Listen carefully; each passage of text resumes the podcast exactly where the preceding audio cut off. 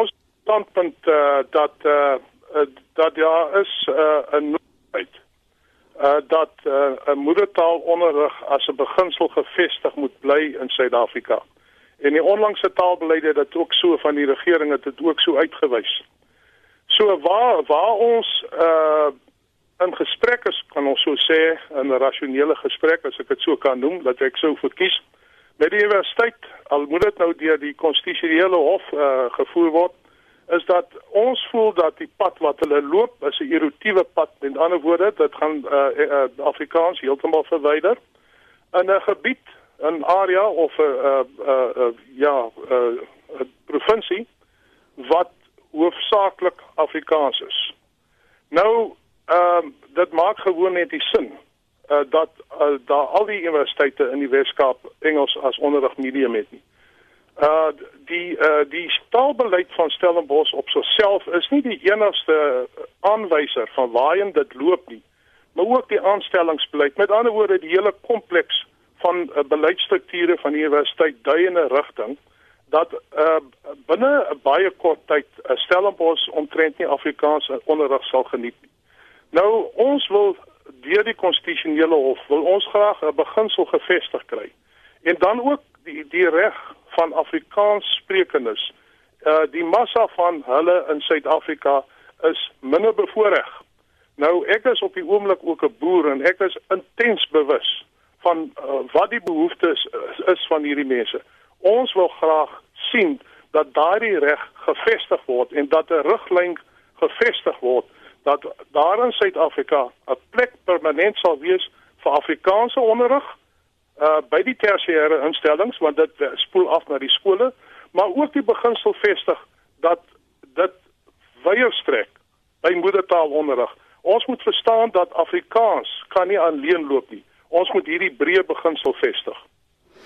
Nou die beleid van die departement van hoër onderwys wat hulle nou graag in heemse tale sterk beklemtoon sluit dit Afrikaans in ja En wie ja, daar was 'n verskil op 'n stadium daaroor, maar ek dink ons het die, die ding uitgesorteer.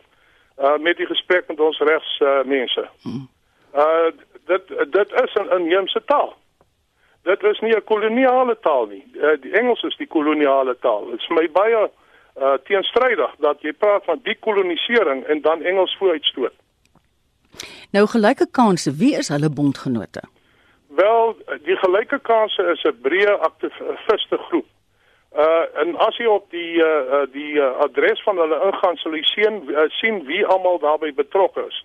Maar ons het breë steun in die gemeenskap.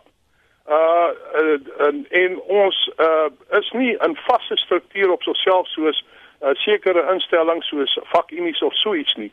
Dit is 'n losse samestelling van mense waarna haar kern nou besig is, 'n kern van hierdie persone besig is om hierdie saak vorentoe te te vat.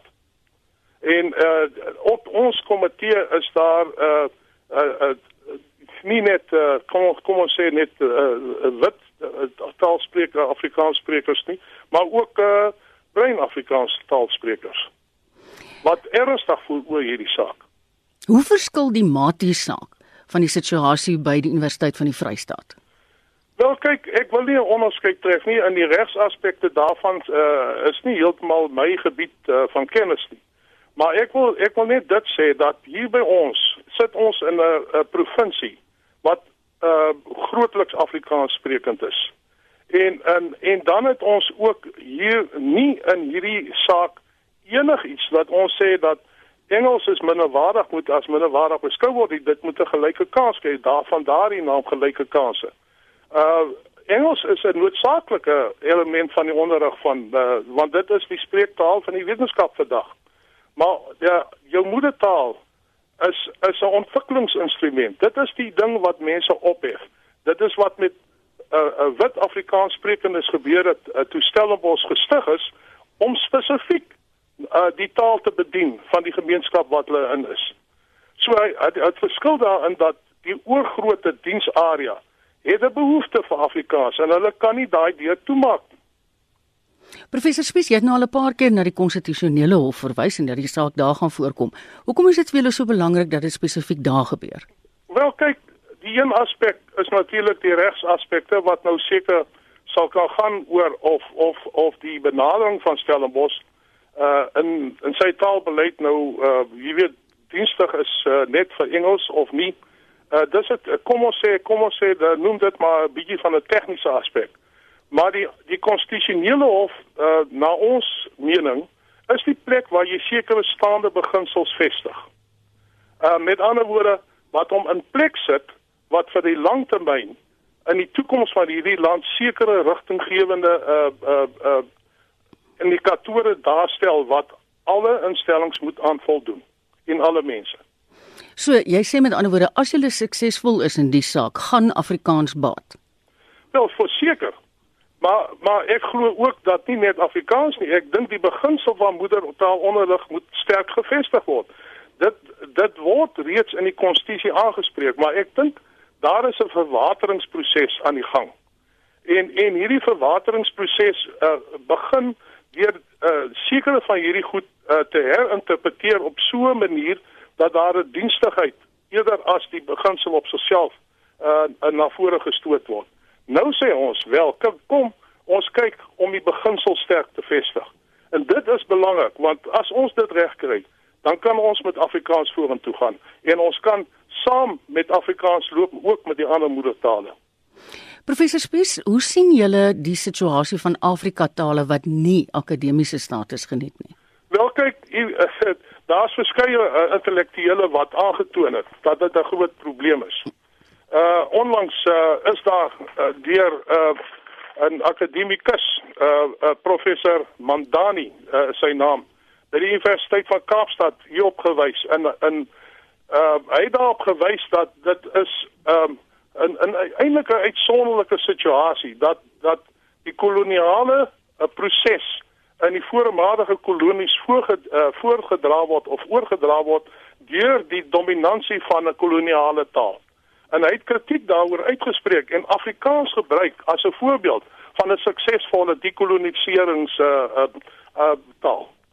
So dit is maar een van hierdie gevalle. Ek ek kan byvoorbeeld net uh, op 'n ander persoon wys uh, wat by die universiteit van die uh, Wenda werk. Uh Lilamio Mamino, 'n Italiaanse professor wat haar doktorsgraad in Moskou gekry het. En sy het uh sy het byvoorbeeld uh, aan my geskryf en gesê dit maak haar so seer dat sy voor 'n klas sien staan en noodwendig in uh, Engels vir hulle moet onderrig gee. En sy kan in die gesigte van die studente sien dat hulle verstaan nie wat hulle hoor nie. Hmm. Uh die die die probleem met 'n koloniale of 'n dominante taal. En ons moet onthou net 'n bietjie dat Afrikaans het daardie pad ook geloop en dit wat die opstande van die 1970s gebring het. Maar die probleem met 'n dominante taal is dat hy sluit die gewone mens uit. En die sogenaamde effendies, die mense wat bo kan die ander is, hulle hulle trek voordele daaruit. En baie keer uh, skuif hulle weg van die algemene gemeenskap wat hulle moet bedien. En ons kan dit nie met Afrikaans doen nie. Dit is waaroor Stellenbosch gestig is. Afhanklik die universiteit op sigself om daai taal te bedien. Professor, as nou nou vir oggend iemand luister en belangstel in hierdie saak van julle, jy het net nou na 'n webwerf verwys, is dit gelyke kanse.co.za?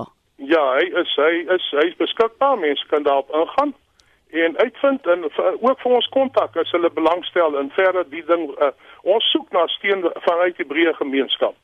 Uh jy weet baie keer loop jy hierdie pad en jy loop hom baie alleen. Mm. Maar ek dink daar is 'n hierdie groep van ons is baie toegewyd aan hierdie saak en ons is eerlik toegewyd. Ek sê weer, ons is vir Stellenbosch. Dit is 'n uh, universiteit wat na my hart lê. Uh ek is net uh dit gaan oor die kommer oor die rigting wat nou in beweeg word by die universiteit, maar wat ook besig is te gebeur by ander Afrikaanse universiteite. Baie dankie. Voormalig Afrikaans natuurlik. Baie dankie professor. Dit was professor Philip Spies. Doetreg. Die voorsitter van Gelyke Kanse, die drukgroep wat die Universiteit Stellenbosch se taalbeleid nou in die hof beveg, maar soos ons gehoor het, klaar blyklik ook ander tale ondersteun, minderheidstale.